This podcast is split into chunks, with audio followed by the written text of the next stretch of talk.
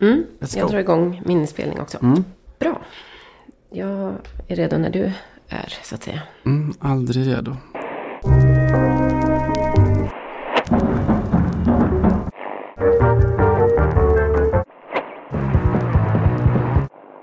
The truth was, his job as a columnist was not to say what he thought, it was to say what people expected him to think. And as a result of his continual self portrayal as an honest everyman, what people expected him to think was exactly the same as what they themselves thought, meaning that in reality his job was to say what other people already thought, so that they no longer had to feel guilty about thinking it. Där, ett eh, stycke ur Perfidious Albion of Sam Byers eh, som jag redan rekommenderat innan jag hade läst den. Eh, en engelsk post-Brexit-dystopi och den har väl varit ungefär så bra som jag sa utan att ha läst den. Eh, och det här stycket är väl en sådär väldigt på pricken sammanfattning av vad populism i journalistisk form är för något egentligen. Och i, jag kände bara att i dagar av sådana här IS-återvända debatt och politikerförakt så känns det som ett ganska bra vaccin att börja veckan med. Att man som krönikör är ens jobb kanske inte längre att säga vad man tycker utan att säga vad andra förväntar sig att man tycker, det vill säga samma sak som de egentligen själva redan tycker.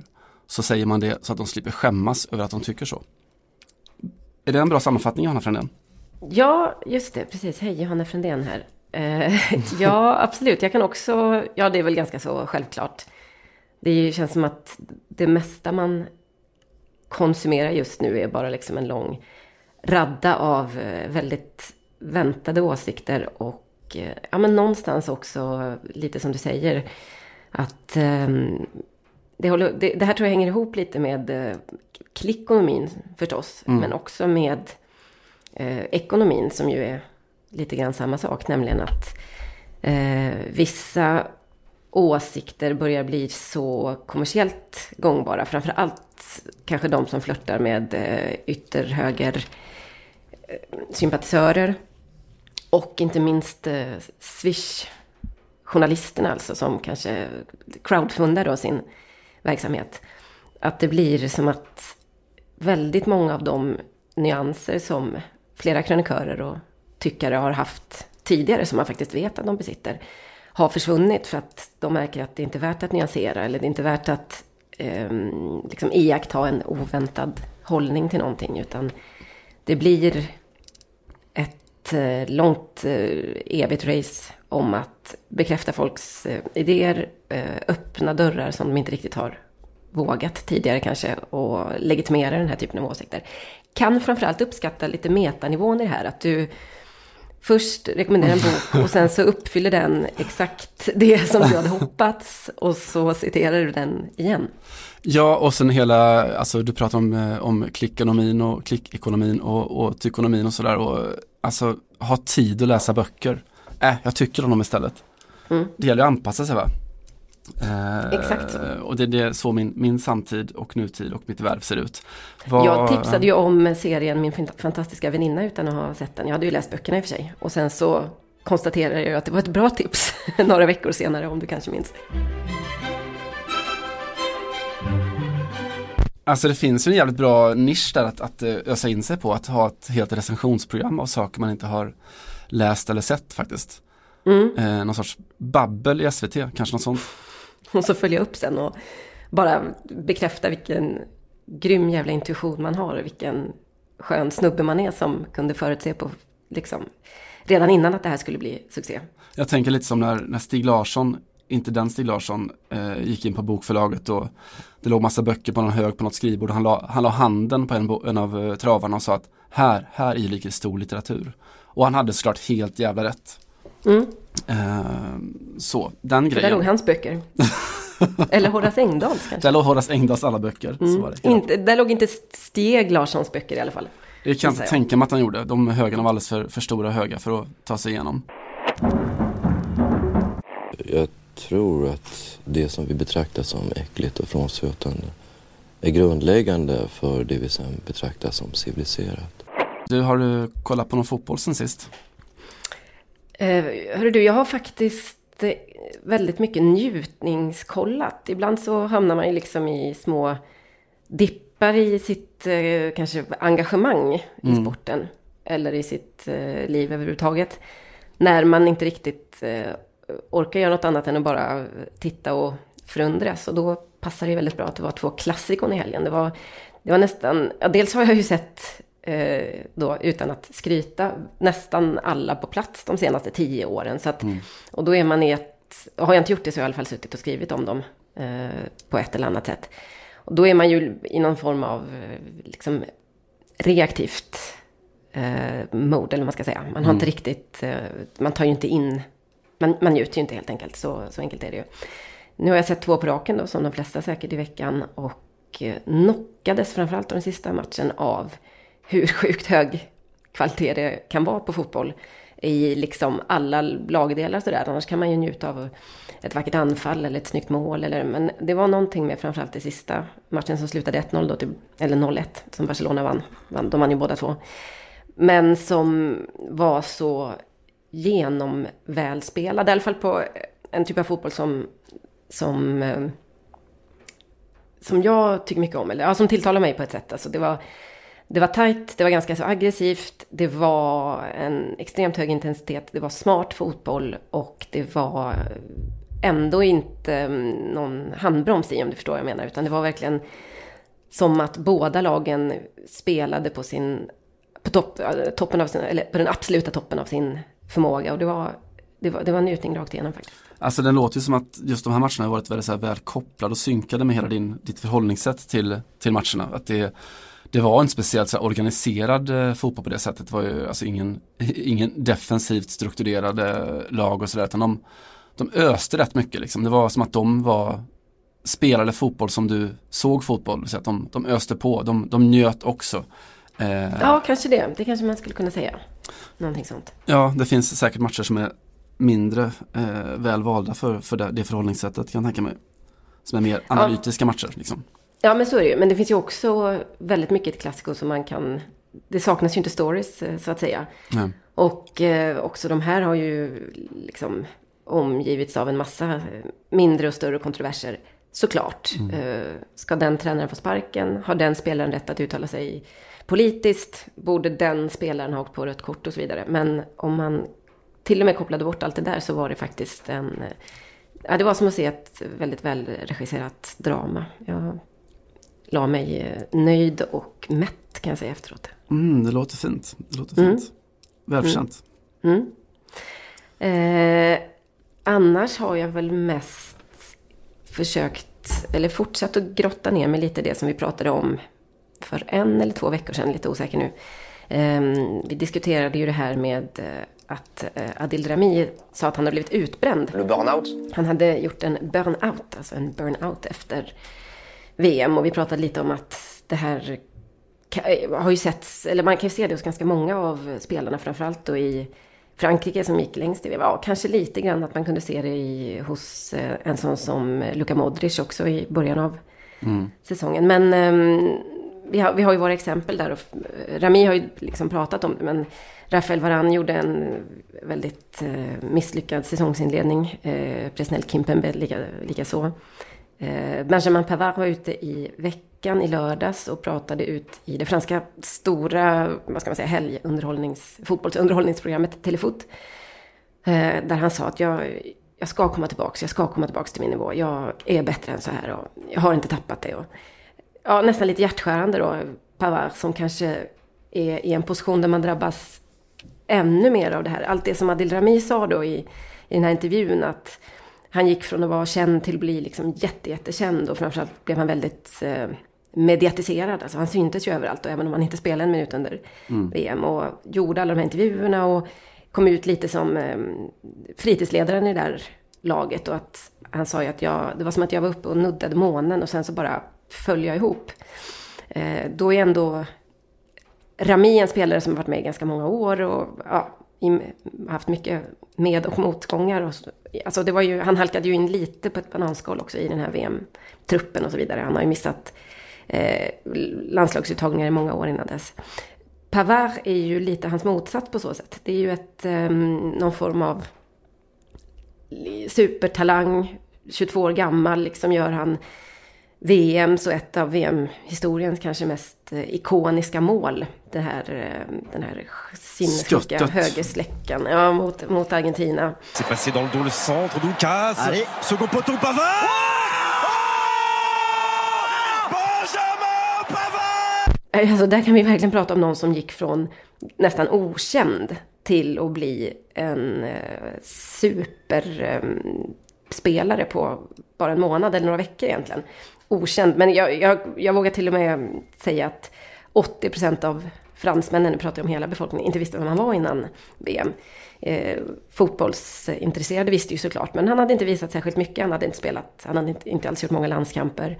Eh, han spelar sin klubbfotboll i Tyskland, så där är han givetvis eh, känd och respekterad och haft ögonen på sig. Men skillnaden att komma in i ett landslag och göra den här, få den här typen av genombrott är förstås ännu större då. Och kanske inte så lätt att hålla fötterna på jorden när man är så ung dessutom. Nej, hans story var ju så extrem att, att, att, så fort det franska fotbollsmagasinet, de hade en sån här stående punkt under VM, att eh, de skrev, eller spökskrev Benjamin Pavards dagbok, alltså ett satir inslag. Och grejen var att de, de, fick ju sån total frihet i det, för det var ingen som visste vem, vem han var eller hur Nej. han tänkte eller hur han pratade eller hur han såg ut knappt. Så de kunde skriva precis vad fan som helst, vilket de gjorde också. Ja, men precis. Eh, det har kommit lite reaktioner på det som Adil Rami berättade. Han sa ju att han var utbränd och att eh, det var precis det som hade hänt. Jag vill också bara kasta in här att Adil Rami i veckan har blivit affischnamn för ett Eh, en kampanj som handlar om eh, att ta avstånd och eh, ja, ta avstånd från att förebygga mäns våld mot kvinnor.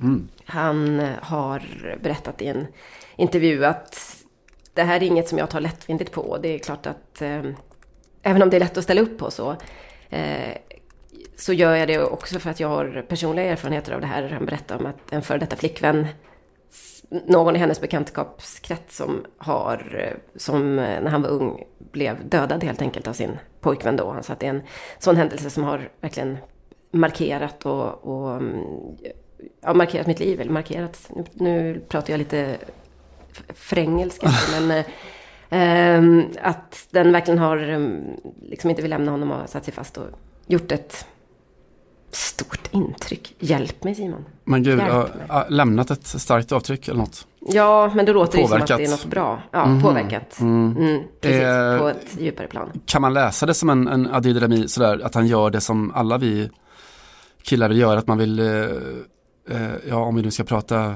eh, svengelska då, eh, att man vill get one over henne, sin tjejs tidigare pojkvänner, att det här är markering mot Tommy Lee i själva verket. Det enda vi kan säga är att han, eller det enda vi kan slå fast är att han i den här intervjun säger, det är faktiskt, det är inte Pamela som, mm. det är inte hennes idé. Så att eh, han förstod ju att den frågan skulle komma eftersom hon är så engagerad och eh, en aktivist på många sätt. Inom flera olika politiska frågor, kanske inte just det här så mycket, men eh, han säger att nej, det är inte hon. Hur som helst, Eh, den eh, debatt som har gått vidare som har, eller debatt, men utveckling av det här kan man säga har förts inte minst av en, vår vän Segir Lasri. Jag har citerat honom tidigare när vi pratade om eh, våldtäktskulturen inom fotboll. Han skriver, han är sociolog då och skriver under rubriken Sociospor. Eh, sociosport, eller vad man ska säga på svenska, i den franska dagstidningen Libération. Eh, liten paus bara för att eh, glädjas över att det finns dagstidningar som har den rubriken och den, den spalten överhuvudtaget kan jag känna. Det som på svenska eh, heter Toto Balotto va? Ja, det är nog exakt det det heter, mm. precis så. Eh, det han eh, i alla fall eh, kommer fram till då, han pratar med massa fackkunniga, psykologer framförallt då, om det som eh, Adil Rami ger uttryck för. Då. Ja, är, det, är han utbränd? Kan man prata om det? Och eh, då säger eh, bland annat en psykolog som heter Patrick Bush att det handlar kanske mer om att man inte klarar av att komma över det som har hänt. Alltså, på franska säger man faire le deuil, alltså sörja det som har hänt. Men det man menar med det är ju att man inte liksom klarar av att um, gå vidare helt enkelt efter, en, efter att ha vunnit ett VM-guld och man har liksom, man har blivit en annan person helt enkelt. Och det här säger Didier Deschamps när han håller tal till killarna efter eh, VM-finalen då, säger han att idag har ni förändrats som människor, ni har blivit någonting mm. som ni aldrig varit tidigare. Eh, nu är ni världsmästare och det är man hela livet. Ungefär så. Eh, och det är intressant att höra lite vad det här kan bero på. Jag fastnade lite i det här också för att eh, det kom fram i veckan att eh, Tysklands damlag tar med sig en psykolog till fotbolls-VM i sommar. Ehm, det är ju full, har ju varit full fart på damsidan också den, den sista veckan. Det har ju varit Algarve Cup, det har varit den här She Believes Cup. Och så slog eh, Tyskland Frankrike med 1-0 ehm, i ingen cup alls. Det, är, det var 100 dagar kvar till VM, så vad kan det vara, 95 någonting nu. Eh, Tyskland har bestämt sig för att ta med en psykolog eller börja samarbeta med psykolog, inget konstigt i sig. Det gör ju bland annat Sveriges herrlandslag. Eh, det lite speciella är att eh, den här idrottspsykologen är Birgit Prinz. Åh herregud vad fint. Ja, kan, en av världens största fotbollsspelare genom tiderna och eh, arguably den största tyska får man väl säga. 14 VM-mål, 2 VM-guld, eh, en lång jävla rad med titlar i eh, tyska ligan och eh, i motsvarande Champions League och så.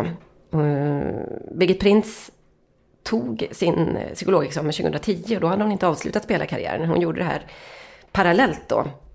Vilket ju också berättar ganska mycket om eh, skillnaden mm. mellan damer och herrar inom fotbollsvärlden och vad man, hur man förbereder sig kanske på slutet av karriären och så. Eh, och då aktualiseras ju den här frågan att okej, okay, en psykolog är viktigt att ha när, när man ska förbereda sig såklart och när det går dåligt kanske och när man ska liksom ge sig in i en sån stor mental påfrestning som ett mästerskap faktiskt är. Eh, och jag, det känns ju lite nu som att har Birgit Prins följt Adil Rami så kanske hon också mm. ska finnas där efter ett eventuellt VM-guld. Tyskland tillhör de absoluta favoriterna inför det också.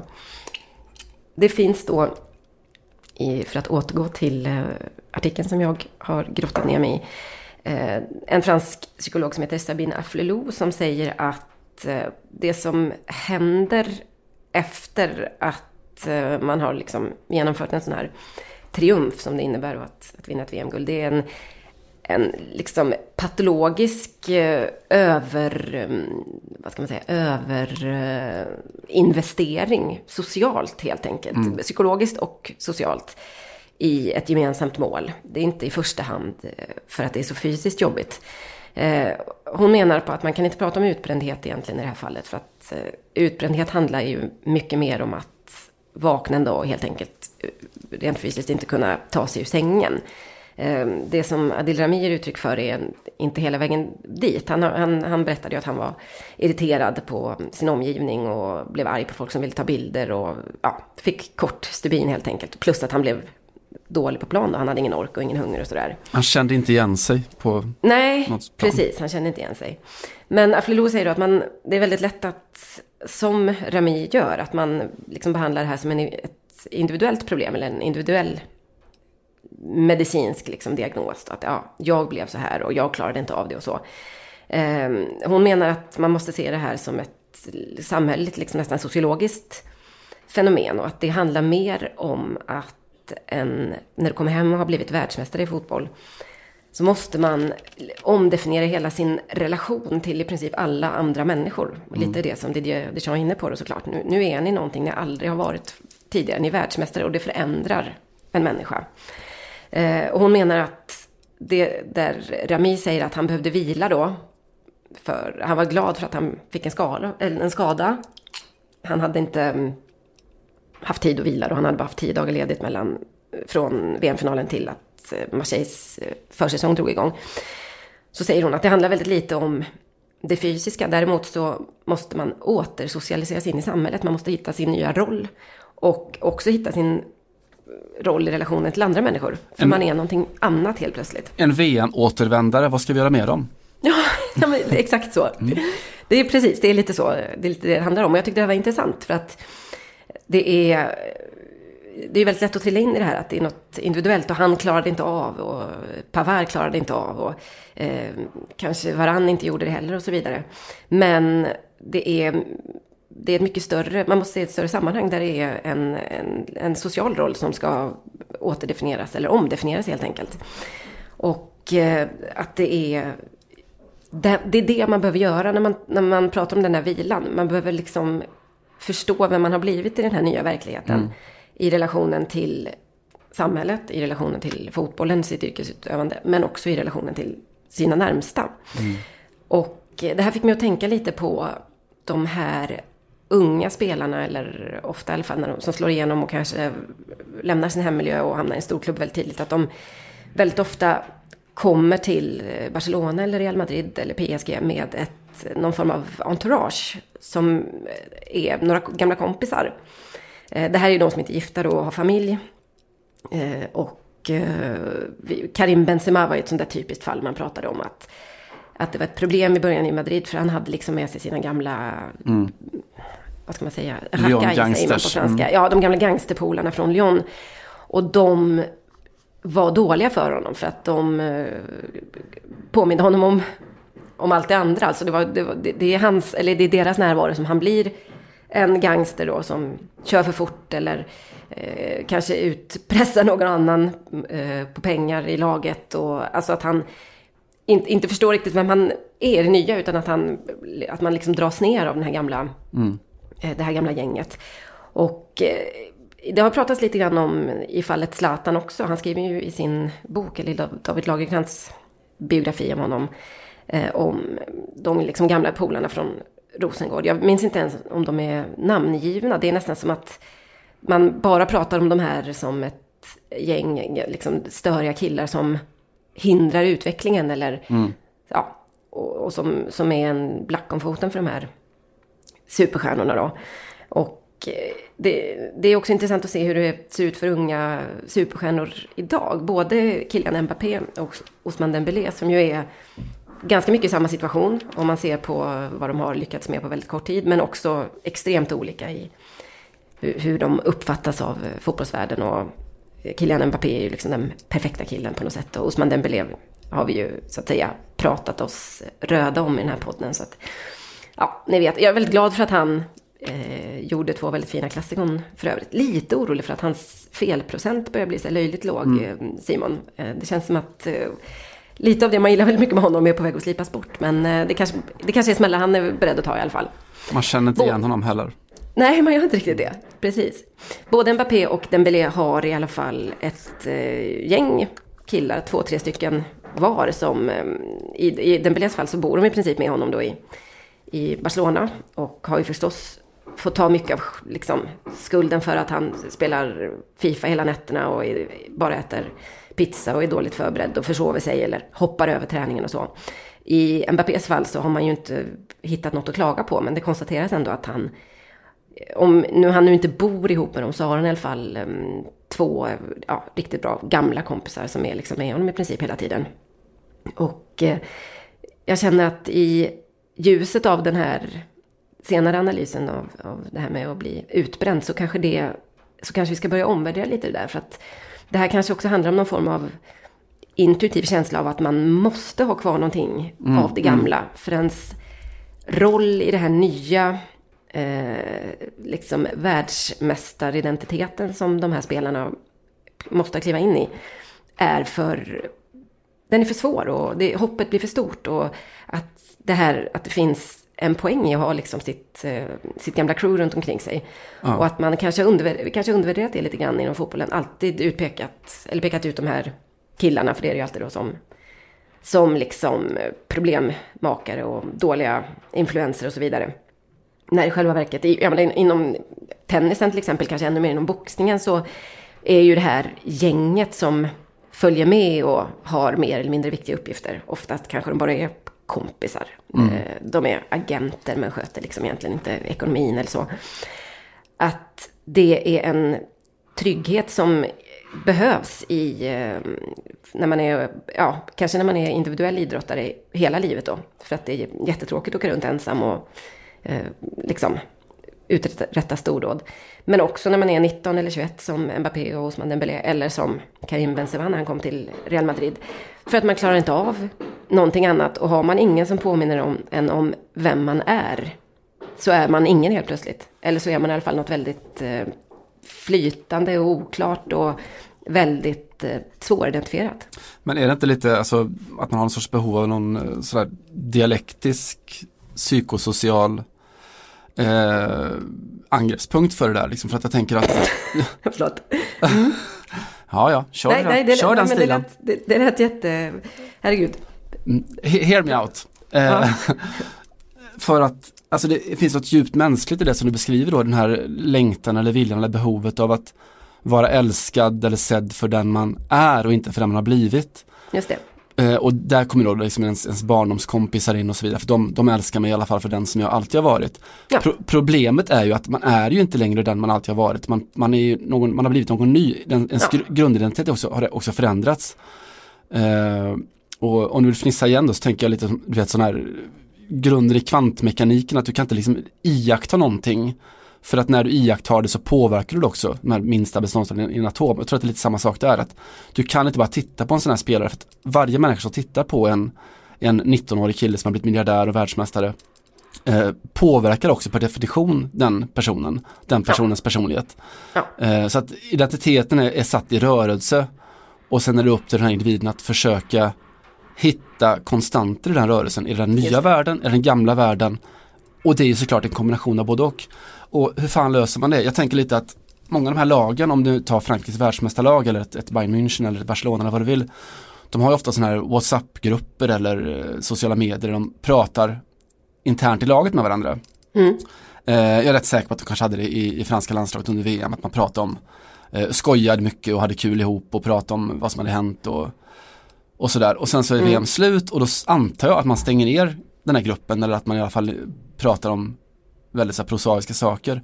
Men där finns ju verkligen behovet av att prata om, alltså tänk om Pavard och Rami för ett halvår sedan kunnat prata om att det här känns inte helt bra liksom. Jag, jag vet inte vem jag är, jag vet inte, jag har börjat bli irriterad på småsaker och är det någon som känner igen det här? Just det. Eh, att kunna ventilera dem, den, den sortens problematik. Mm. Ja, men visst. Nej, exakt. Och jag tror att om vi återgår till Birgit Prinz. Nu har ju liksom tyskar inom fotboll i alla fall en ganska stor vinnarvana. Så, no, no pun intended. Eh, och eh, det är ju, har ju rimligtvis ett, en liksom ganska bra utarbetad metod för att hantera det här. För att jag gissar att det här verkligen inte är något nytt. Det är bara att det inte har pratats om det tidigare. Det är svårt att sätta ord på det. Säkert för många, för att det kanske är lite skamligt också. Och, inte veta hur man ska, alltså att, att prata ut om hur jobbigt det var att vara skadad. Eller att eh, missa en straff i en VM-final eller vara syndabock. Det, det är såklart jobbigt, men det är i alla fall, den rollen är i alla fall väldigt identifierad på förhand. Folk vet ungefär vad man förväntar sig. Jag vet att jag intervjuade David Luiz några mm, månader efter att, eh, ja, 2014 där på hösten. Eller var det strax efter där på våren? Minns du det? Vi var faktiskt i Ma- Madrid du och jag och så fick Just jag dra det. till Paris över dagen och intervjua. Jag hade så flyget dit, landade typ tre timmar innan flyget hem gick. Så jag bara åkte rakt ut till träningsanläggningen, pratade med David Luiz i 35 minuter och drog tillbaks.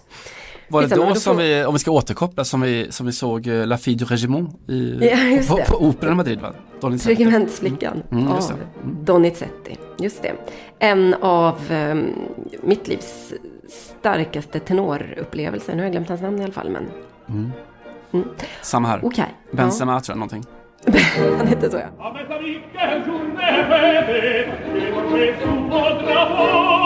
Då var jag ju såklart inte först med att fråga David Lewis om detta. Men eh, jag minns att jag blev lite förvånad över hur väl han hanterade det där, eh, den där rollen som syndabock då. Efter, det var inte så att jag behövde förklara liksom vad jag menade. Det var ganska uppenbart att han var i ett extremt svajigt eh, Brasilien så var han ju kanske sämst i den matchen. Då, 1-7 semifinalen mot Tyskland. Kvartsfinalen. Kvartsfinal, kvartsfinal precis. Tack. Mm. Och då, nej men då sa han liksom att nej men jag, det var jätte, jättehemskt och, och, men vad ska man göra, livet går vidare och det är som det. Och det fanns ingen arrogans i det där. Det, sånt känner man ju av ganska snabbt om det här inte riktigt är äkta. Utan jag kände att det var äkta men han hade då gjort sorgen som man säger på franska. Han hade begravt detta, han hade pratat om det så mycket. Rollen var så satt så han Han grät i tv direkt efteråt. Ja, precis. Eh, det är klart att det är något helt annat att, att sätta dig med eh, eh, Mario Götze till exempel, efter den, Mm. en, ett halvår efter den matchen och bara berätta om hur jobbigt det var efteråt. Det är klart att han aldrig har fått den frågan. Nej. Och det är klart att det inte heller är så lätt att lyfta för att det låter vansinnigt liksom någonstans. Men eh, min förhoppning är lite att det här ska ändå lyfta på locket för att vi ska kunna prata om också hur jobbigt det kan vara med framgång och, och hitta tillbaka sen. Och jag tror att Adil Rami är, har gjort en ganska stor insats där. För nu har fotbollsspelare någonting att, åtminstone i Frankrike där det har blivit väldigt uppmärksammat då, att gå tillbaks på och identifiera sig med och känna igen sig med. Precis som du säger, de kanske inte pratar om det här i WhatsApp-gruppen då, men det är väl inte omöjligt att folk i efterhand har hört av sig till honom och sagt, men gud, så där, precis så där kände jag, så där var det för mig, jag förstod ingenting liksom. Och eh, oavsett vad det nu beror på då, han tolkade det som något indi- individuellt och att han var för mycket upptagen med eh, VM och sen att han liksom gick på och började träna för snabbt och så. Att kroppen inte orkade med och huvudet inte orkade med. Nej, men kanske var det helt enkelt att han inte klarade av att hitta sin roll i det här nya. Och att eh, det också är värt att lyfta. Och det skulle vara intressant att höra med en sån som Birgit Prins, som ju måste ha gått igenom det här så många gånger efter alla fantastiska framgångar som hon har haft som spelare. Och, och höra hur stor del av det idrottspsykologiska som utspelar, ja, hur, hur mycket man har att göra liksom som psykolog i de lägena och hur mycket, hur stor den här eh, pressen och stressen och sorgen någonstans kanske är över att det är över och man hittar inte tillbaks. Frågan som finns kvar är, har man i en, en fransk kontext gjort någonting av den uppenbara Göteborgsvitsen att uh, Les Bleus och The Blues? Eh, det har ju gjorts ganska många gånger. Bra det. Mm, För även på franska säger man att man har blues om man är ledsen. Spleen. Eh, låt, Det var det från eh, psykologhyllan. Mm, den är fin, jag kan eh, ta den vidare, en liten eh, ihopsyningsprocess där, eh, ytterst aktuell. Vi har pratat om Pamela Anderson lite grann, vi har pratat om Birgit Prinz eh, och vi har, kan väl avsluta med att prata om skärningspunkten dem emellan. Just i dagarna här så är det ju stor födelsedag eh, för Is it the boobs? The boobs. ja, vad bra att du sa. Eh, eh, Jag bara- kollade på en intervju, förlåt. jag kollade på en intervju med Pamela Andersson i, hon har varit på någon, eh, någon politisk festival i Österrike tror jag det var. Mm. Och så fick hon frågan om liksom när hennes, på tal om att hitta sin roll efter karriären kan man väl säga, så sa hon att eh, Ja, nej men jag, det var, jag var lite trött på att bara sitta i intervjuer och bara förfråga om mina bröst. Eh, så jag kände att jag ville börja prata om politik istället. Jag, jag känner hennes frustration. Ja, Eh, jo, men eh, just i dagarna så fyller Barbie 60. just det. Lekte du mycket med Barbie? Eller leker du mycket med Barbie? Precis. Ja, så hela livet är väl en, en liksom lek och ett, eh, en kamp att förhålla sig till Barbie. Men nej, jag, jo, jag hade två, tre stycken, men jag har inte de där, jag har inte de där väldigt, eh, vad ska man säga, ingående minnen av hur det var. Däremot så pratade jag lite om, om detta med en kompis i veckan, för vi konstaterade också det och läste att det hade gått 60 år och att man ju inte lekte så mycket på det där sättet som folk trodde, nämligen att det var någon så här mysig familjelek, utan det var ju väldigt mycket typ så här, En väldigt de hade- mysig familjelek var det. de hade väldigt mycket sex, eller så typ dödade de varandra.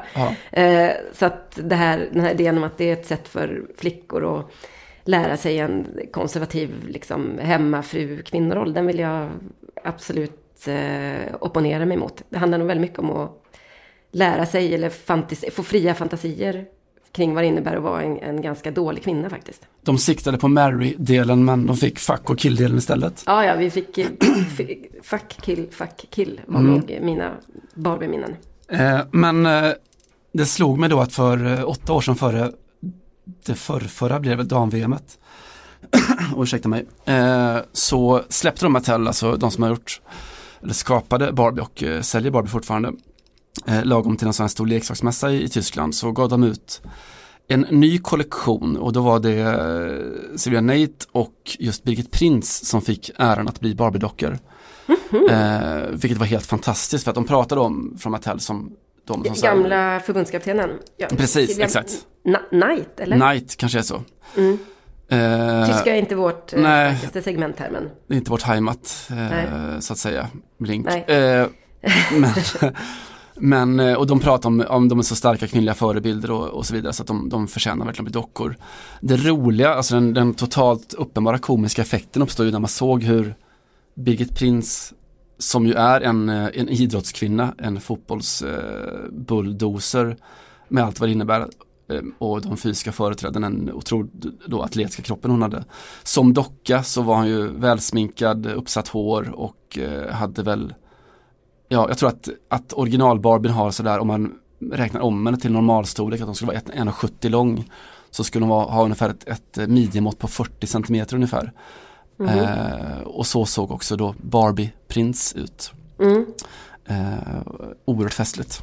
Ja, man hamnar i en lite svår situation där i och för sig. Ska man göra en väldigt verklighetstrogen eh, tolkning och få skit för det? Mm. Eller ska man anpassa sig efter det ändå rätt så snäva Barbie-idealet och få skit för det? Men eh, jag hör dig, de senaste upplagorna av Barbie är ju i alla fall lite rundare och lite, det finns någon kort och det finns, det har kommit lite nya, eh, vad ska man säga, varianter i alla fall, som jag förstått det. Hur man än vänder sig har man röva bak, som, bar, som Barbie aldrig sa.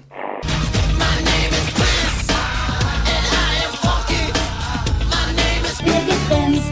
Auch Mädchen können Fußball spielen, das was jedes Kind so mancher wilde Kerl sieht das nicht gerne ein. Ganz heimlich möchte mancher so gut wie Kerstin sein. So gut wie Kerstin. Fint det i alla fall med psykologin och depression och eh, the blues.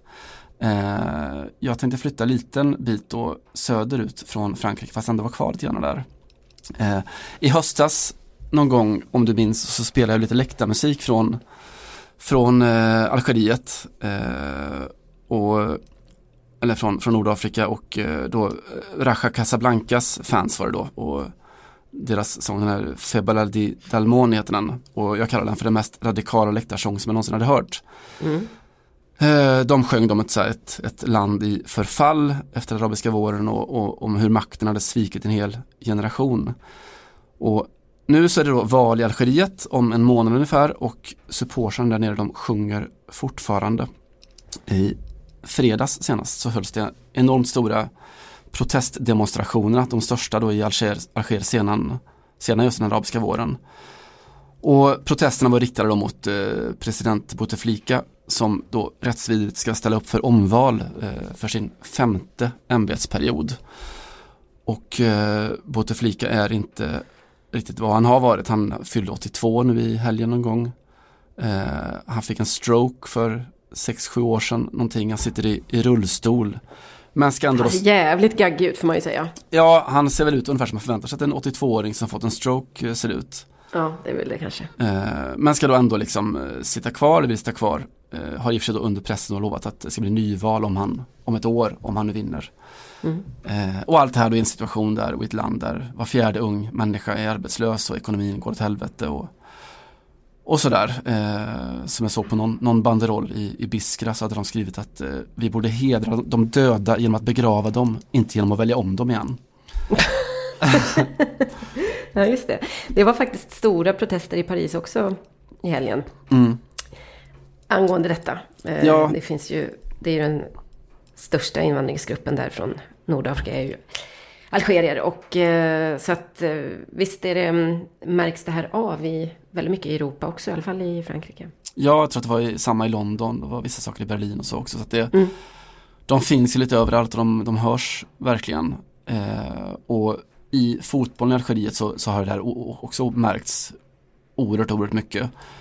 Eh, bara de senaste månaderna så har det varit så kravaller på, på läktarna och ett, flera hundra, eh, däribland då väldigt många poliser som har skadats. Och, och sådär, och man, man diskuterar, det kan mycket väl bli så att, att hela den algeriska ligan kommer att spelas klart utan publik på läktarna. Eh, Den stora klubben USM Alger eh, förlorade i lördags. De leder fortfarande ligan och så men de, eh, det har blivit lite tajtare där. Och de sjunger ju också då, som i princip alla supportergrupper i Algeriet gör om, om Bouteflika.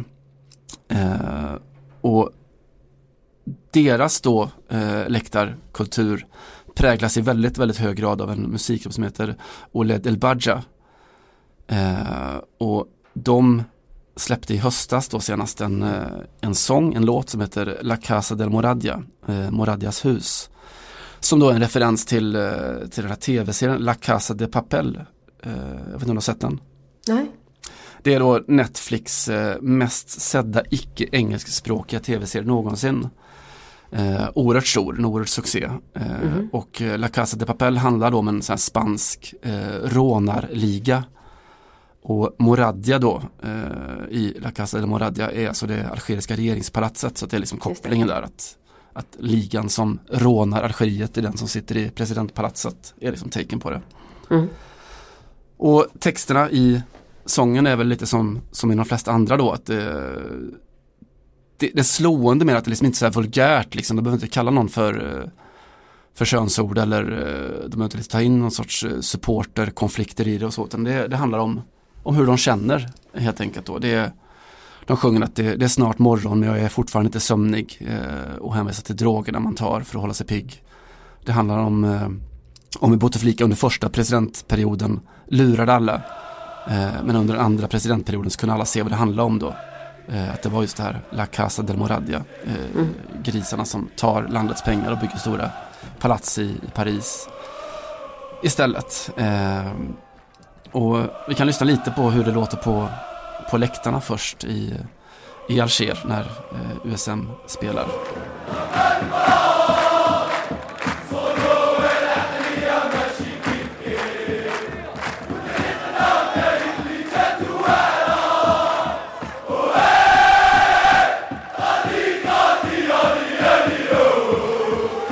Så där eh, låter då det unga Alg- Algeriet på, på läktarna. Eh, och det finns ju unga algerier som vi ser på, på själva planen också.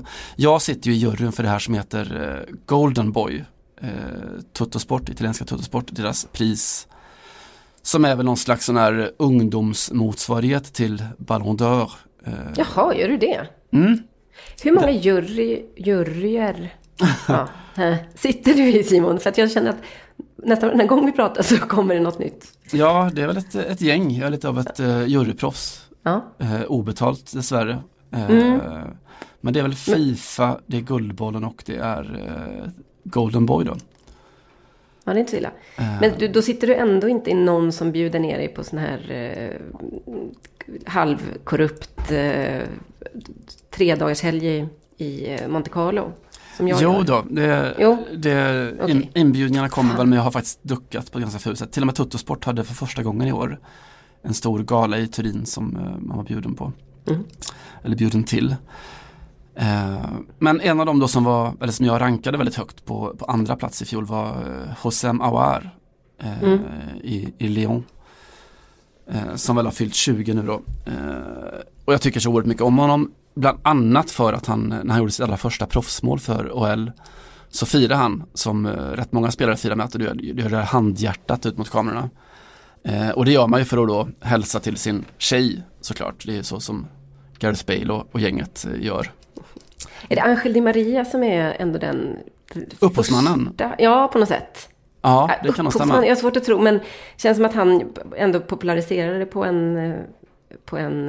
eh, På scenen. På ett ganska tidigt plan. Ja, precis. Ja, det kan absolut vara så. Mhm. Eh, vi kan i alla fall ge Osam Awar då att han kanske får vara ensam om att göra det där hjärtat och att det var en uppenbar hälsning, inte till hans tjej utan till hans mamma. Mm. Eh, för han bor fortfarande hemma och han eh, tog med sig mamma till, eh, till Fifas gala där han var nominerad då som, också som bästa unge spelare. Eh, och han hyllar henne i alla intervjuer och sådär. Han har ju varit lite rubrikernas man i Frankrike också i, i vinter, att han, han är en av många då, eh, fast kanske en av de bättre som funderar på att, att spela för eh, Algeriet istället för, för Frankrike då han spelar spelat i ungdomslandslagen hela vägen upp. Mm. Och Deschamps har sagt att men jag, jag fjäskar inte för någon och sådär. Han är såklart en oerhört duktig spelare men han, han tas ut när han tas ut och så vidare. Eh, men så är det i alla fall. Det finns algeriska 20-åringar som har alla möjligheter i världen och sen finns det andra som mest eh, har kvar att stå på, på läktarna och gatorna och sjunga. Och Mm. nu är det en månad kvar till valet så jag tycker att vi lyssnar på skivformen av eh, Ored El Badja och eh, La Casa del Moradia som ett lite tidigt musiktips i veckans avsnitt.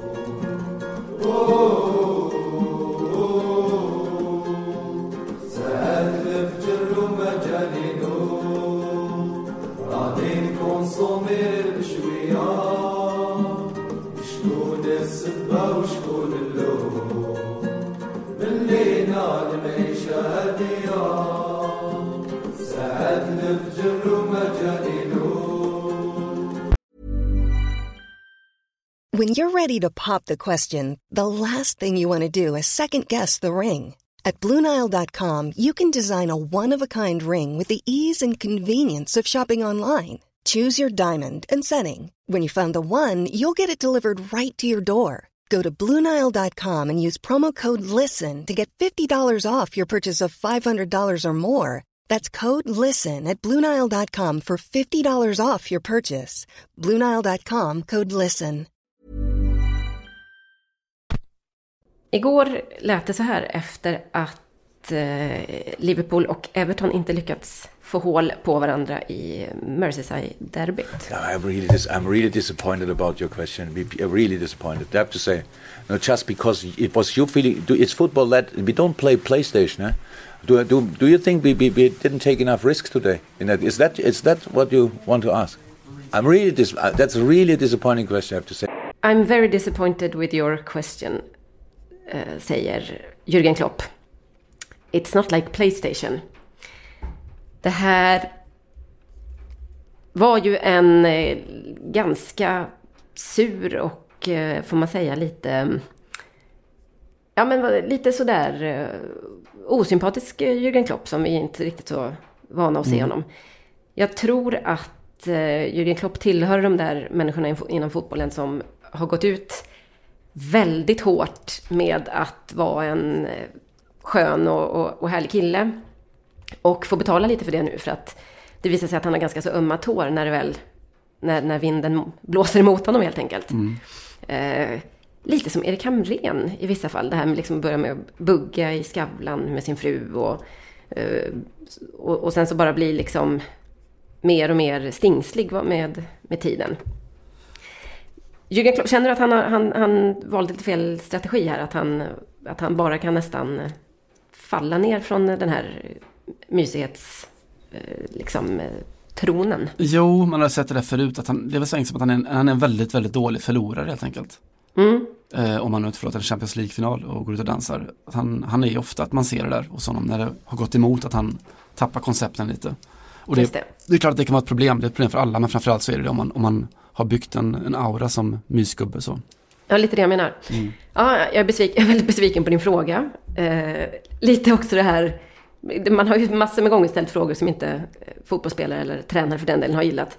Eh, det här, eh, jag gillar att han tar, tar det liksom till nästa nivå, inte så här en skitfråga. Jag är väldigt besviken på din fråga. Det är lite nästan som när ens föräldrar var...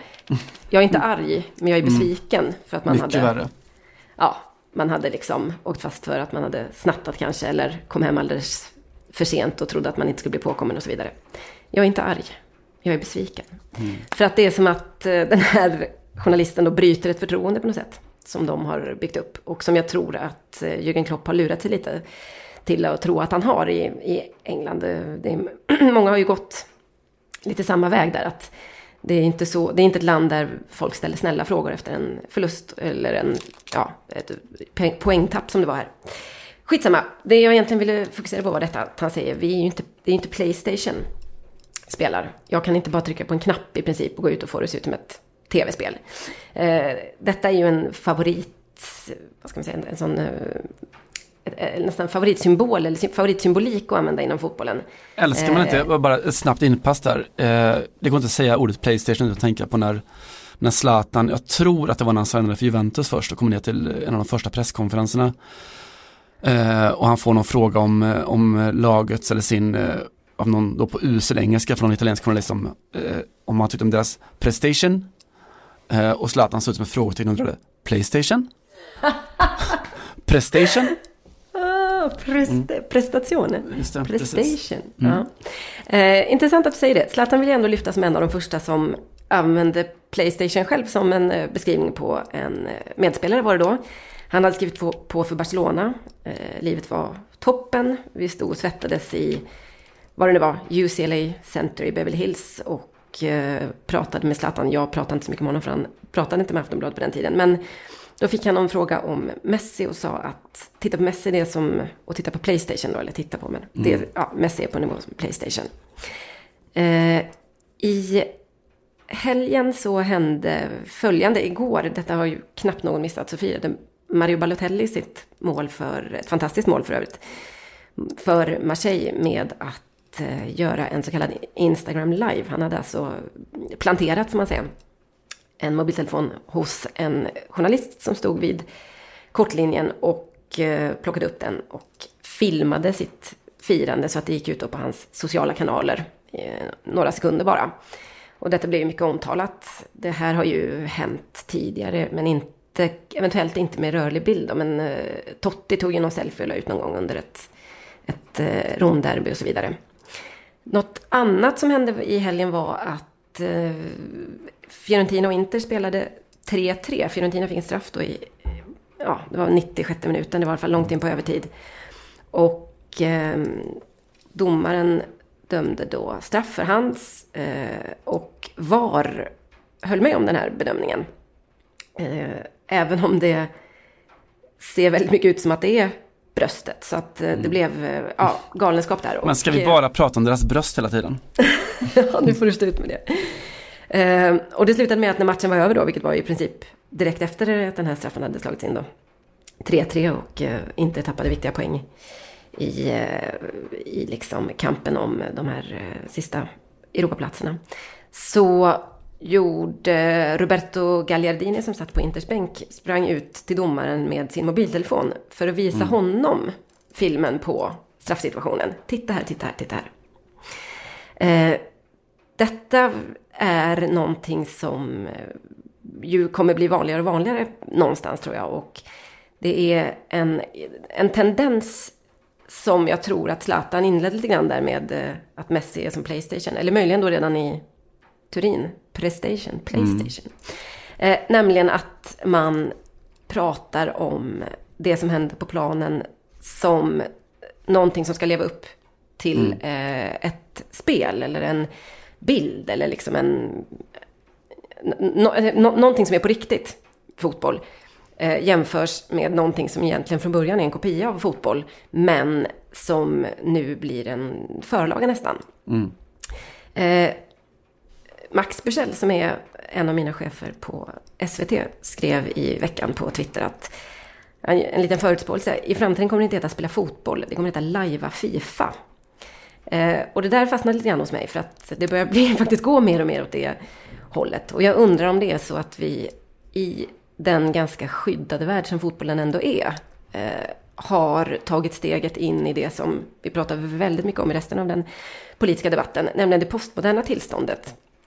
När det helt enkelt är så att, ja det finns ju ingen sanning längre, det är ju lite, det är en liten fultolkning av postmodernismen, men nu sammanfattar jag lite hur den uppfattas just nu och när man kastar det här på varandra. Det kommer ganska ofta från högerhåll och eh, handlar ju om identitetspolitik och att, eh, ja, den här, att man spyr lite på den här tanken att alla ska ha rätt till sin egen upplevelse och alla ska ha rätt till kanske då i förlängningen sina trygga rum och eh, kränkthetskulturen förstås lite grann. Att ja, men för mig, jag upplever det här som rasistiskt och så säger kanske framförallt radikalhögern att eh, de är, man är en snöflinga eller man är andra liksom svag, man är, något, man är svag i alla fall, man klarar inte av att höra sanningen och man vill konstruera en egen sanning som inte är den objektiva och så vidare.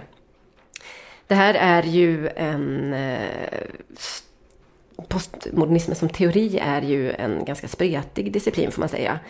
Men eh, det är ändå ganska tydligt att eh, om man i, i fotbollssammanhang ska liksom muta in den så hamnar jag ändå på, hos eh, Baudrillard, Jean Baudrillard som mm. är en av de största, kan man väl säga, franska moderna tänkarna.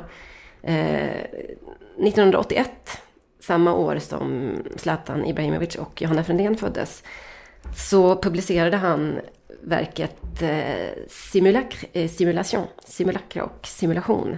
Och det här begreppet simulacra blev en eh, sån där term som man slänger sig med när man kanske börjar plugga sociologi.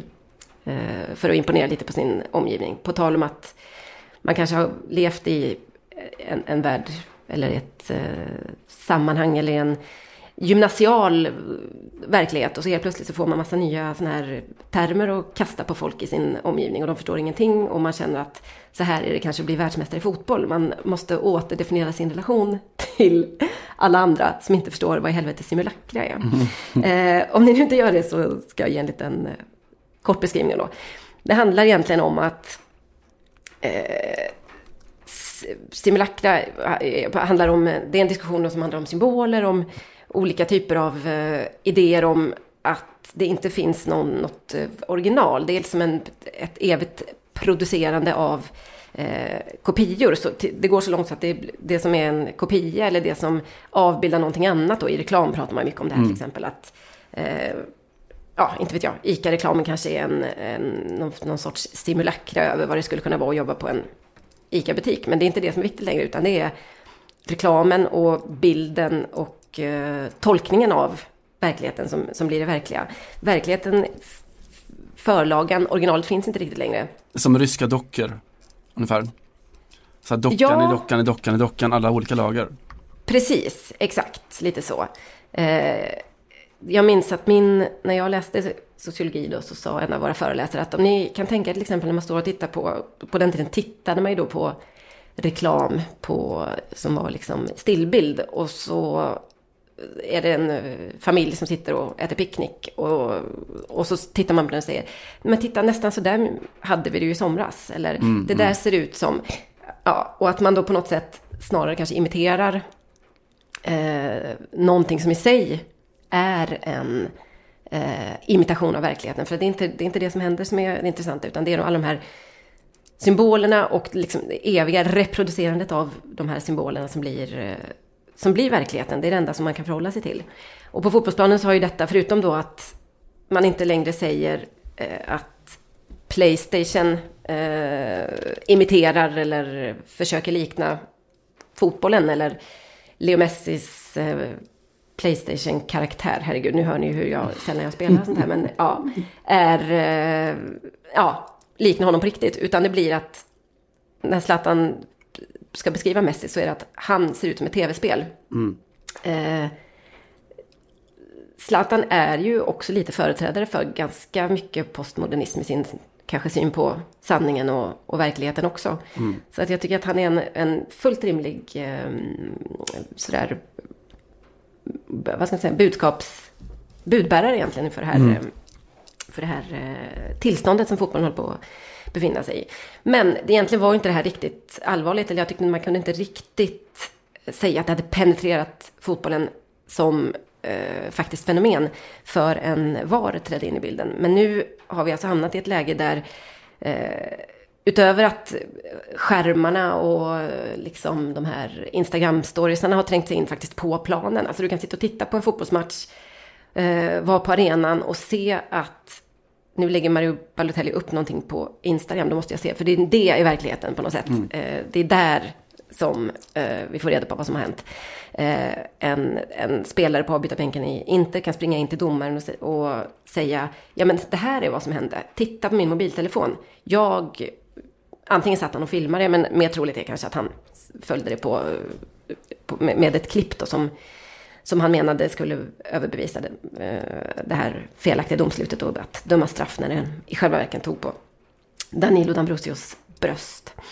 Eh, var håller på att bli en skrattspegel, nu använder jag detta för förfärande ord, av eh, verkligheten någonstans. Det här har ju, är vi ju några som har varnat för. Du hade en en genomgång eller ett, höll nästan ett brandtal i Eurosport för inte så länge sedan om detta.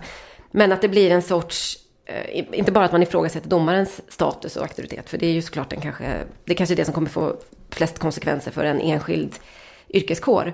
Men också att man bestämmer sig, har bestämt sig någonstans för att det som du kan se med dina eh, egna ögon på tre meters avstånd, och nu pratar jag om domaren, det måste du verifiera med eh, tv-bilden av vad som hände. Mm. Det är en sorts... Eh, och då är det inte så att det inte finns någon förlag. Alltså att simulakra hit och dit. Det kastar jag mest in för att det var snyggt att nå någon form av verk, verkshöjd i den här pratan. Men jag tycker ändå att det, det, är intressant att se hur vi har gått från att acceptera det som hände på en fotbollsplan som en egen eh, verklighet och där en person har den oinskränkta makten att bestämma till att inte bara ta in då några andra domare som sitter framför en eh, tv-skärm och, eller flera olika monitorer och, och kan titta, gå tillbaks och säga kom hit nu för vi tror att du har fattat fel beslut. Utan det här öppnar ju också för att eh, spelare helt plötsligt, förutom att de känner sig manade att göra den här VAR-symbolen som man inte får, eh, så känner de sig också helt plötsligt manade att springa in med sin egen mobiltelefon och visa domaren, kolla här vad som hände. Titta här, det här är ju sanningen. Det du såg var något du såg med dina egna ögon. Men det här är liksom bilden av vad som hände. Och det är det som ska styra nu. Och det, alltså det är så oerhört intressant, alltså varför, varför pladdrar det fortfarande om VAR? Det är ju som det är. Jo men det är just för att den, det väcker så oerhört många filosofiska frågor, det är där man landar. Eh, och just här, alltså Balotelli, alltså det, är också, det går lite på tvären också mot en, en, en utveckling idag som vi har där eh, man har pratat om de senaste tio åren att känslan har, ersatt eh, fakta och så vidare, fake news och allt det där. Eh, det här går lite tvärt emot, i alla fall någon sorts tänkt fakta, en tänkt teknokratisk auktoritet som, som väger så oerhört mycket mer än, än subjektets syn då. Just det. Eh, så den är också antipostmodernistisk på det sättet. Det är intressant att den är ju både och. Liksom. Det är lite det jag vill komma. För att det är ju den första känslan att den är anti, som du säger, att vi ska hitta en... Det har ju egentligen varit hela min invändning eller förhållningssätt till det hela fram till nu. Att eh, ja, ja, okej, vi kanske kan hitta, vi kanske kan komma lite närmare sanningen här. Eh, den objektiva då, eh, sanningen som ändå vi måste basera regelverket på. Men det är inte värt det för att det ställer så många andra frågor och eh, ställer framförallt så mycket på sin spets då. Upplevelsen, domarens auktoritet, synen på vad, vad fotboll är och synen på mänskligt felande och så. Men nu är det fort, än så länge, och nu börjar vi väl nästan landa i någon form av slutsats att det här kommer fortsätta att vara precis lika kontroversiellt framledes. Nämligen att den, eh, alltså bilden av eller videosnutten på eller eh, den liksom perfekta eh, kameravinkeln på en kontroversiell straffsituation är ju också en inlaga. Och att det kanske är så att vi också håller på att kliva ett steg längre ifrån sanningen, om man med sanningen menar det som domaren upplevde som stod precis ungefär där det hände och eh, fram till nu har dömt på sin intuition. Och det, intuition blandar man ju ofta ihop med att det kommer in känslor och så.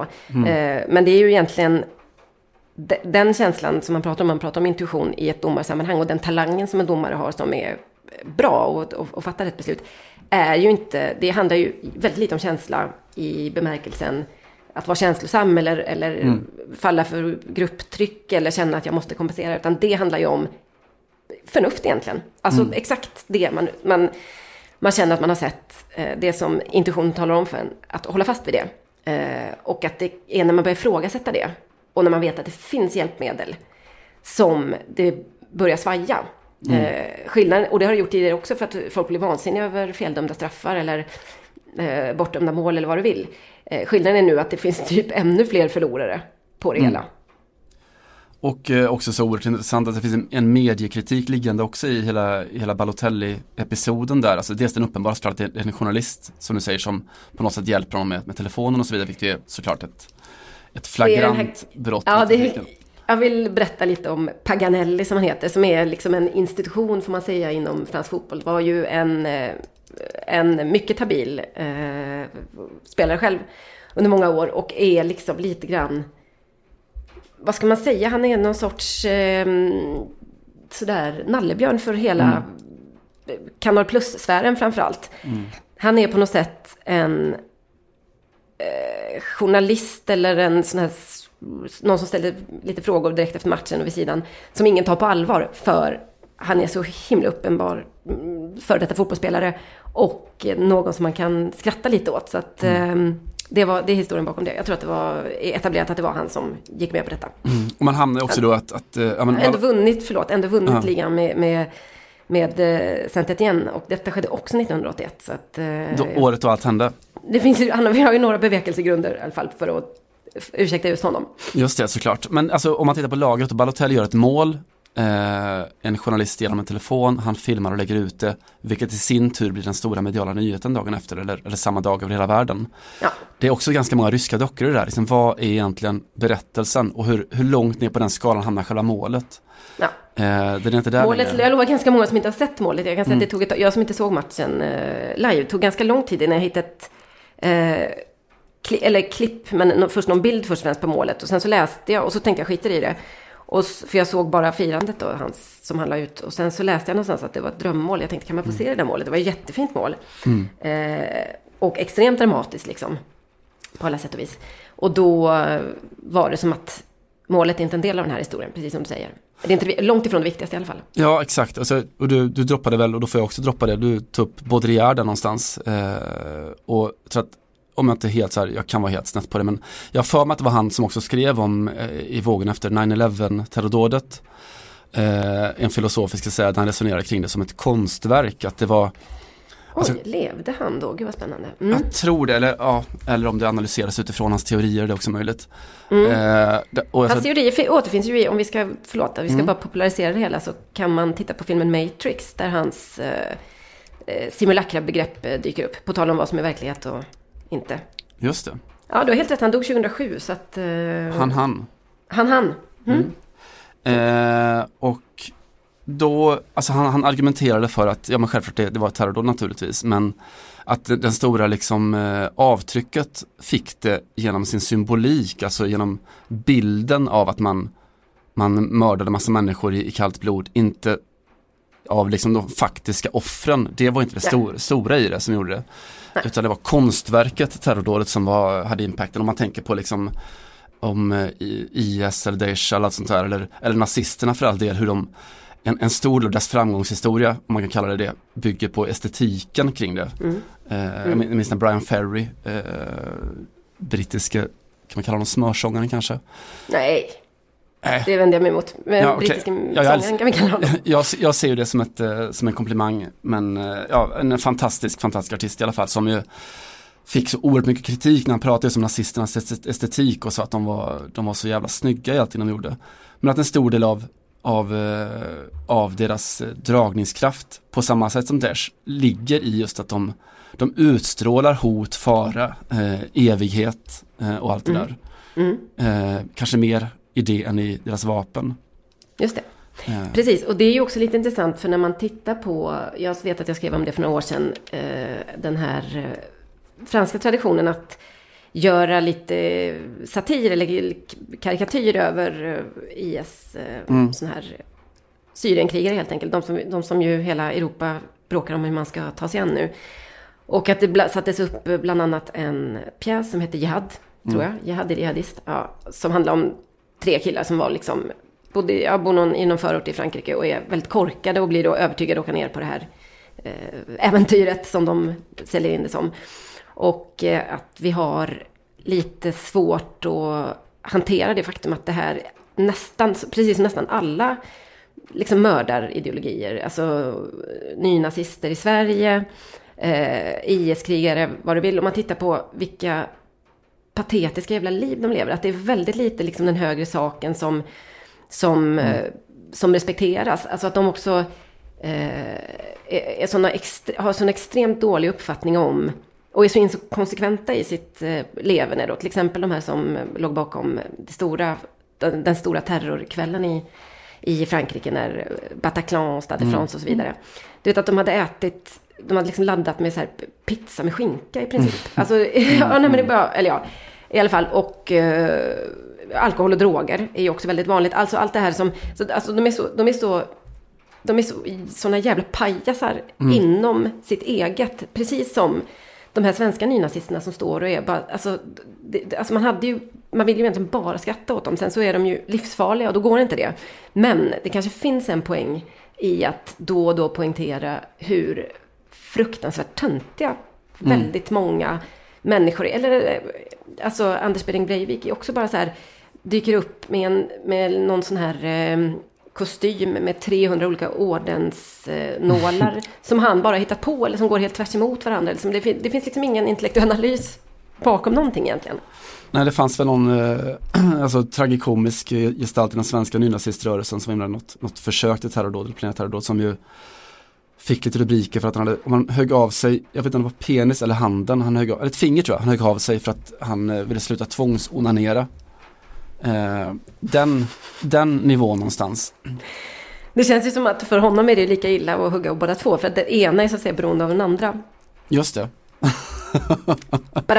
Den ena handen vet precis vad det är. Men jag vet inte. Han kanske behöll, behöll heilhanden. Det Den gjorde. ena handen vet alltid vad kuken gör. Så Just är det, så är det.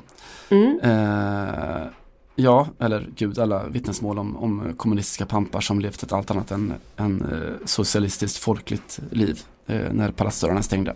Mm. Und så. Det kom nästan en SVT-invändning. Det finns ju också kommunister som har varit lite töntiga. Det finns också andra bara mördare. säga. Mm. ja, precis. Jag tror för att det finns en engelsk film också på samma tema med, om det heter Three Lions eller något med tre eh, unga engelska töntar som blir radikaliseras. Mm. eh, och har väldiga, väldiga problem med sitt, eh, eget, sitt eget liv. Mm, ja, precis. Ja, det finns en fransk-malisk film också om detta som handlar om hur IS-krigare bara, de kontrollerar någon by och i en varannan scen så kanske de begraver en kvinna stående för att hon har ägnat sig åt musik. Men i nästa så står de och smygröker för det är så jävla svårt att göra sig av med väldigt så eh, jordiska vanor helt enkelt. Mm. Jag sympatiserar med det. Eh, Jag kan berätta också då för att avsluta om, om alla som har tröttnat på VAR-diskussionen att den senaste bok jag beställde häromdagen eh, heter Videodomare, eh, hur Fifa dödade fotbollen av en eh, fransk-polsk, eh, ja vad är han? Kulturfilosof som heter Jacques eh, Blokiszewski. Så det kan dyka upp igen, det vet man inte. Det låter lite oroande tycker jag. Förlåt. Det låter som ett sånt förebud. Den ena handen vet precis vad det är som den andra gör. Come on, come on, let's stick together. Du, ska vi lätta upp det lite eller? Kan vi göra. Mm, då tänkte jag dra en liten sån här namnlista så får du kämpa med att hitta den gemensamma nämnaren här. Eh, Ebba Busch Thor, Erik Ullenhag, Ulf Kristersson, Johan Forsell, Said Abdo, Emil Källström och Sara Skyttedal. Vad är det för gäng? Eh, det var någon där jag inte riktigt kände igen. Men jag vill tänka att alla är väl i alla fall eh, borgerliga politiker. Nej, kanske inte. Jo, alla är Jo. eh, alltså alliansen, politiker, så här, Hallå Mm. Baloo Och så har de kanske eventuellt att alla har lite shining, skulle jag kunna tänka mig. Ja, det är ju ditt, eh, din eufemism. Jag ska säga, ta i lite mer så att alla, de är ju extremt tajta liksom. Eh, alla har Mm. en sån här, du vet, komma från Bootylicious-klassen på Sats och köpa en takeaway smoothie och ta taxin till, till mötet på, på byrån-grejen så. Mm. Och jag vill Jag liksom, tar ditt ord för det då. Jag har kanske ansikten på jo, jo, men de är fyra av de dun, där. dunderknulliga allihopa faktiskt. dunderknulliga. Mm. Ja, eh, och då undrar jag lite om det finns en trend här eh, utöver såklart det mer uppenbara klassperspektivet i det. För att det är ju det är sådär som folk ser ut. Eller som vi kallar det i fotboll radikal bristen på Mm. klassperspektiv. Sant. Men eh, det är så som folk ser ut i, i Vasastan i Stockholm. Alltså det finns inte en människa här eh, som har liksom ett BMI under eller över 20. Eh, man har slutat att vilja veta var folk har köpt sin tröja. Man vill veta vilket gym de gick för att göra sina senaste 20 squats eller så. Och mm, hade du något? Du drog efter andan. Så- och inte så lite heller. Jag bara, ja. Nej, jag, jag, jag vill bara jämföra lite med Paris, där folk inte heller har BMI, BMI över typ 18, men av helt andra skäl. För att de bara typ lever på cigg och eh, svart kaffe. Sig, svart kaffe och en eh, religiös och choklad. Ja, precis. Men eh, nåväl, det var bara ett inpass. Mm, eh, och min fråga då för att leda in det här är väl om man kan tänka sig att det här kommer föras över på fotbollsbranschen också. Att det kulturella kapitalet i kroppen eller utseendet och sådär. Mm. Eh, för alltså vi ser ju rakt in i någon framtid, alltså den, i toppfotbollen där den ekonomiska koncentrationen kommer att bli bara ännu större såklart. Konkurrensen kommer att bli mycket spetsigare och eh, att de korporativa affärsmässiga hänsynen kommer bli ännu viktigare. Så frågan som jag vill liksom lämna dig med lite grann är här om typ Manchester United, kommer de ens ha råd att ha fula spelare om tio år? Mm. Nej, inte så många antagligen. Nej, Alltså, det, det, de kommer ju inte kunna ha så 10 Paul Scholes. Nej, det går väl inte va? Äh, och-. Men det är egentligen alltså, intressant att du säger det för att ett landslag som ju har tillämpat det här i, i säkert 20 år, det är ju Italien. Mm. Alltså Giazzurri, de har ju verkligen bara haft en ful åt gången. Nu, med ful menar jag ju alltså inte överjordiskt vacker. För det har ju väldigt många, alltså det, det var som att bland alla eh, Sambrotta och Nesta och Buffon och Totti för den delen så fanns det plats för en Gattuso. Eller en Casano. Kanske, ja, eller kanske en Vieri. Men jag, kolla, kolla, mm, om vi skulle gå igenom alla deras laguppställningar de senaste, eller under den perioden så lovar jag att de tre aldrig fick spela samtidigt. Casano, Vieri och Gattuso. För att då upp, skulle liksom Giazzurri upphöra att vara Giazzurri på något sätt. Förstår du vad jag menar? Det Ja. finns eh, inte riktigt plats för det. Så att, eh, nej.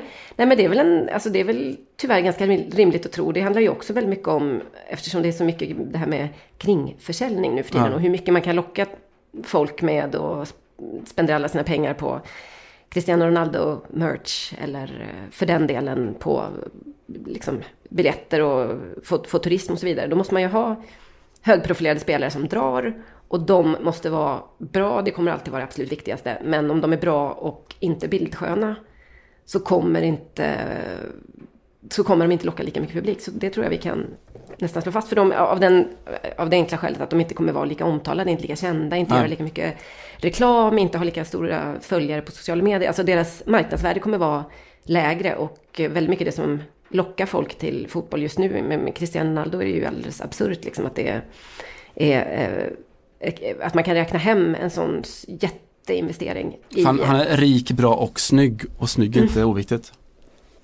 Nej, precis. Så säger jag. Det, är- det är så att säga inte oviktigt. Nej, och jag tänker att visst, alltså en, även i framtiden kanske man kommer att ha råd att ha någon ful spelare som är ful på, på ett kul sätt, typ Ronaldinho. Ja, just det. Eh, så an, annars så måste man nog ha sådana kommersiella spin-off-effekter. Italien är spännande just, jag, tog upp det, jag vet att Bickenbergs eh, designer, firman där, de tog ju över en, en fotbollsklubb på lägre nivå i Italien, eh, Fossombrone tror jag, typ division 4 eller 5 någonting. För att då redesigna hela klubben och ta så här modellfoton och de hade liksom bara, bara snygga spelare typ. Mm, mm, Eh, just det. och alltså nu då 2019 så det funkar ju fortfarande att ha om man har något annat att sälja på. Typ, ja, man säger, alltså Messi liksom, han, eh, han fick ju tillväxthormoner när han var liten för att bli, för att han inte skulle vara typ 1,50 som vuxen. Mm. Eh, men om tio år så kommer det kännas jävligt gjort, den storyn. Eh, Då krävs det liksom att man får ta in så här blyger som är 96 cm lång eh, och bäst i världen på fotboll, det kan sälja. Mm. Mm. Men hela Mm. liksom så här fattiggrabb från favela-storyn känns inte som att den är säljande längre. Nej, Men typ, det. du får någon som, ja, men han, han dog när han var 12 år men nu är han tillbaka och spelar i, i eh, PSG liksom. Eller någon Just som är det. sju år gammal och har kropp som Lukaku. Typ den nivån. Just det. Nej men så ge oss eh, tio år så kommer vi ha Influencers United där alla ser ut som David Beckham. Utom Mm. en som är ful som stryk och har kanske huggt av sig ett finger eller så. Så får vara den rolige. Fotbollny, radikal. Nu rinner klockan över igen. Vi kanske får börja inse att det här är en lång podd istället för att be om ursäkt varje gång för att vi går med våld över en timme. Eh, vi brukar prata om profiler i den här podden. Jag, ska, jag önskar att jag kunde göra det snabbt, men det är lite svårt för ni behöver lite bakgrundsfakta. Eh, jag måste berätta lite om Bernard Tapie. Eh, känd för allt, kan man väl säga om honom. Jag vet inte ens var jag ska börja, men i fotbollssammanhang då så var han ju president i 6, 7, 8 år kanske för eh, Olympic Olympique Lyonnais. Slutet av 80, början på 90-talet. 1993 eh, när de vann Champions League så åkte eh, han samtidigt fast för matchfixning. Det är en sån jätteberömd berättelse i, i Frankrike. Sist, jag tror att det var sista omgången när de, deras motståndare Valenciennes erbjöds en pengapåse helt enkelt för att lägga sig. Eh, de tappade, Tapie åkte i fängelse då. Eh, Marseille tappade ligatiteln men de fick behålla Champions League-titeln. Och eh, då hade han ju redan gjort en jävla massa annat i livet. Bland annat så hade han tagit över, han är ju en affärsman då egentligen, eller egentligen ute i fingerspetsarna.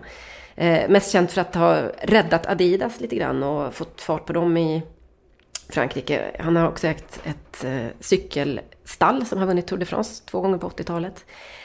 Han har varit minister i eh, François Mitterrands regering på, i början på 90-talet. En väldigt kort period. Han fick ju sluta där också för att man måste lägga affärsverksamhet och egenintresse åt sidan och det gick inte riktigt.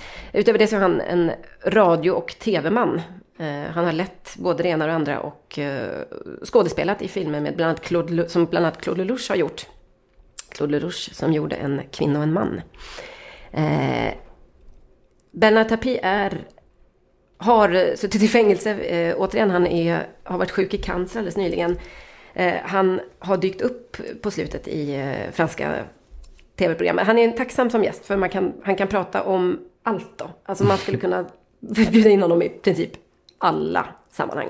Eh, fotboll, cykel, politik, business, eh, underhållning, vad ni vill. Det som har, och då en, en väldigt märkt, får man väl ändå säga, Tapi är det vi har sett på slutet. Och han, eh, han har eh, Blivit ful till Ja, slut. han har åldrats väldigt mycket, får man ju säga, och eh, märkt av cancern och så vidare.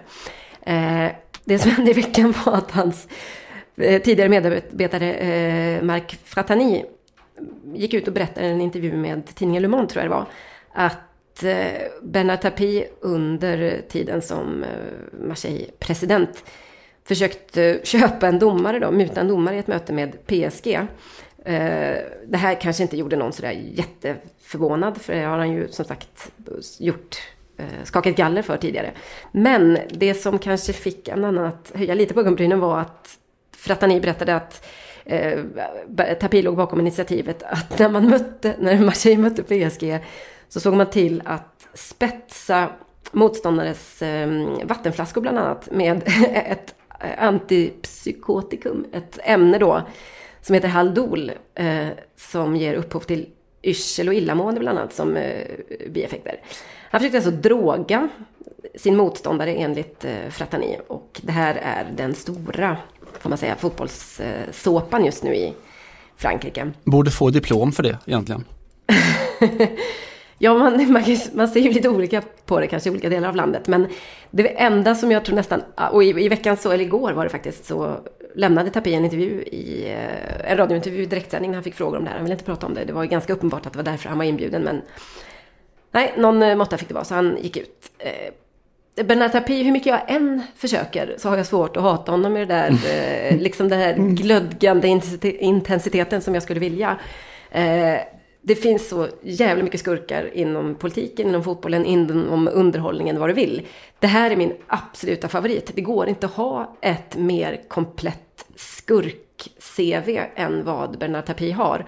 Och eh, jag ser, och känner också nu, jag tror faktiskt att det känns som att många i Frankrike delar den här upplevelsen att så märkt av livet och av sjukdomen som han är nu, han är en bit över 70 och säger att varje dag jag får är, är eh, en gåva. Han står för övrigt under en annan utredning för skattebrott tror jag det är. Något annat fiffel just nu. Så känner man någon form av sympati med, eh, kanske inte med den här galenpannan, men med att det ändå finns eh, superskurkar som också gör film med Claude Lelouch. Kan du förstå vad jag menar? Ja, han har ju definitivt estetiken och jag... Han har musiken. Han har Där har vi det. Musik, exakt Han så. är ful nu för tiden, men han har musiken. Eh, och han, det, det är... Jag känner så här, jag skulle gärna, om jag någon gång skulle få för mig att ställa upp i På spåret igen, skulle Mm. jag gärna vilja tävla med honom. För jag tror att även om man inte skulle kunna frågan, så skulle han fan se till att man löste det på något sätt. Han hade kunnat döpa om Örjans vall om det krävdes. Ja, det tror jag precis. Hur lätt som helst. Mm. Nej, alltså det enda man kan hålla emot eh, Tapie. Han skulle kunna få dem avstängda och neddegraderade framförallt för att han hade någon jävla historia om hur han har, eh, hur, eh, inte vet jag, hur Halmstad har förgiftat eh, Gud, ja. Liksom, målområdet hos motståndarna. Och suttit på ganska många av Fredrik Lindströms eh, kvinnoaffärer också under bordet. om det skulle krävas. Nej, den är fin. Eh, men det, det som jag kan hålla emot honom just i det här senaste skandalen är väl att då eh, det här Haldol, eh, någon sån eh, Haloperidol som du, du pratar om då som är då, sa du, antipsykotiskt läkemedel. Mm. Eh, jag har läst på lite och förstått att det, det kan liksom eh, då bland annat så användas det mot diagnoser som ja, psykotiska diagnoser och också sådana som som då kan ge olika former av sådana här tics och, och, eh, och reflexrörelser, typ som Tourettes. Och det sjuka är ju att det låter ju exakt som det som Olympic Marseille spelare skulle behöva. Konstant. Han hade ju nått så jävla mycket större framgång om han hade satt det där i, i Marseilleflaskorna istället. Totalt korkat, Äh, helt, helt eh, missriktat fusk faktiskt. Ja. Eh, får jag foga till en sak till där, alltså han, eh, Fratani som du pratade om då som var eh, Tapis politiska dörröppnare, han, hade så här, han var ju korsikan också, hade, hade kontakter på Korsika i alla fall. Eh, vilket ju är ganska eh, symbollastat i Frankrike om man säger. Eh, Man pratar om miljön där, alltså maffian och sånt. Eh, och jag har ju som väldigt många har man, hyser man en enorm beundran från Christine Lagarde eh, som är rankad som världens, ja, en av de mäktigaste kvinnorna i världen i alla fall, alltså i, eh, IMF, IMFs ordförande. Eh, och man alltså, som alla sådana människor, liksom, hon är sådär, också har Vasastan-kropp, hon är halvnykterist, hon är vegetarian. Och man letar efter luckan, liksom, var kan vi komma åt henne någonstans? ja, det var ju han som gjorde det, var det inte så? Eh, ja, så, såklart. Eh, men hon, jag fick liksom fatt på henne, grepp om henne när det, jag fick veta att hon är tillsammans med Xavier Giocanti, eh, en affärsman som också då har rötter på Korsika. Eh, och som efter hela Adidas och Dreyfus-eran var då favorit till att ta över som ordförande i just Marseille. Alltså en korsikansk kille som håller på Marseille och är affärsman. Alltså det behöver inte betyda att man är kriminell men det, det ligger ju i farans riktning så att säga. Det gör lite det. Så Hon åkte ju fast också Mm. för uh, mutor, eller hon har... eh, Ett par miljarder, det var kopplat till Tapi på något sätt, var det inte det? Eh, ja, alltså det var precis. Hon, hon ja, exakt. För, för, det, var, det handlade ju om att han skulle köpa eller sälja någon, eh, något företag. Och eh, hon ska ha då Ja, hon försökte dela ut pengar så att det här ska tystas ner på något sätt. Ja, vi får, eh, ni får kolla upp det själva. Vi kan inte veta allt Nej. i den här podden. Ja, och vi har ett kulturtips att tänka på också. Eh, Mm. Och Kör jag det då. vill då återkoppla lite till eh, den här debatten eh, som vi inledde med kring hemvändarna från, från Daesh, från IS. Och om man nu är ute efter att ha bra argument till varför det kanske inte är en sån här toppenidé att gå helt medeltida på på de här kriminella eh, som varit nere i Syrien och skicka in dem i, i fängelser i Mellanöstern och eh, bedriva någon slags urskillningslös strid mot allting som ser arabiskt ut. Så kan man skaffa sig de argumenten genom att läsa Black Flags, The Rise of ISIS.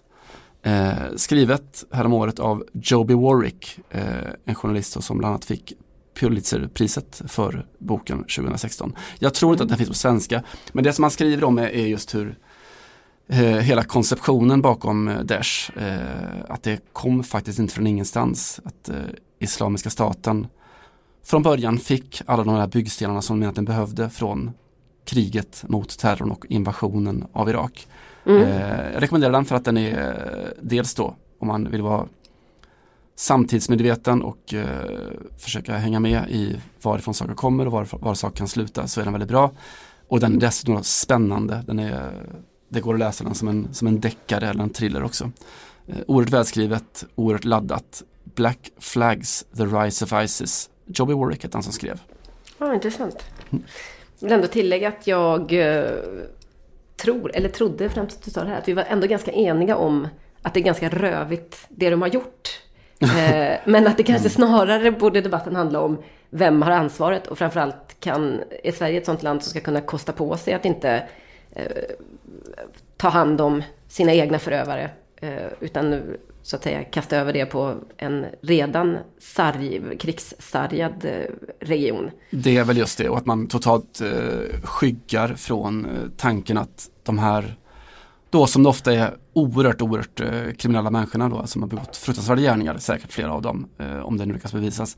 Att Sverige kanske också har ett visst ansvar för det, om det är att, så att de här människorna råkat växa upp i, i Sverige på 2000-talet. Eh, så kanske inte bara är någon annans fel, Allahs eller så, utan också eh, det svenska systemets fel.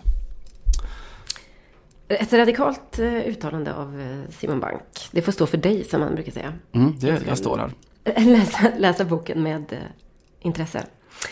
Eh, hör du, det är, vet inte vad det är för väder hos dig, men det är en sketen måndag. Det regnar. Det är eh, slutet på en podd som började mer eller mindre i eh, Tyskland och med en eh, tysk damspelare eh, och numera idrottspsykolog. Birgit Prins. Jag tänkte avsluta med något så ovanligt som ett tyskt musiktips på med av en kvinna. Eh, Sophie Hunger är schweiziska faktiskt. Eh, det är ju väldigt ofta så med de, de stora fransmännen är belgare från början och de stora Mm. tyskarna kommer från Schweiz. Så. Men hon sjunger, eh, blandar lite grann, men sjunger på tyska en hel del och för en eh, deppig dag i mars tyckte jag att Walzer für niemand, Waltz för ingen alls, kunde passa som lite melankoliskt avsked. Fint det. Vi hörs om en vecka. Vi hörs, hej. Niemand kommt rein und setzt sich hin, den Fuß auf Hand und das Kinn. Niemand ist hungrig, mein Frühstücksmenü. Niemand kommt immer zu früh. Niemand, ich habe Geschenke für dich. Was wär ich geworden? Gäbe es dich nicht, meine gesammelten Werke. Bitte sehr, alles gehört dir.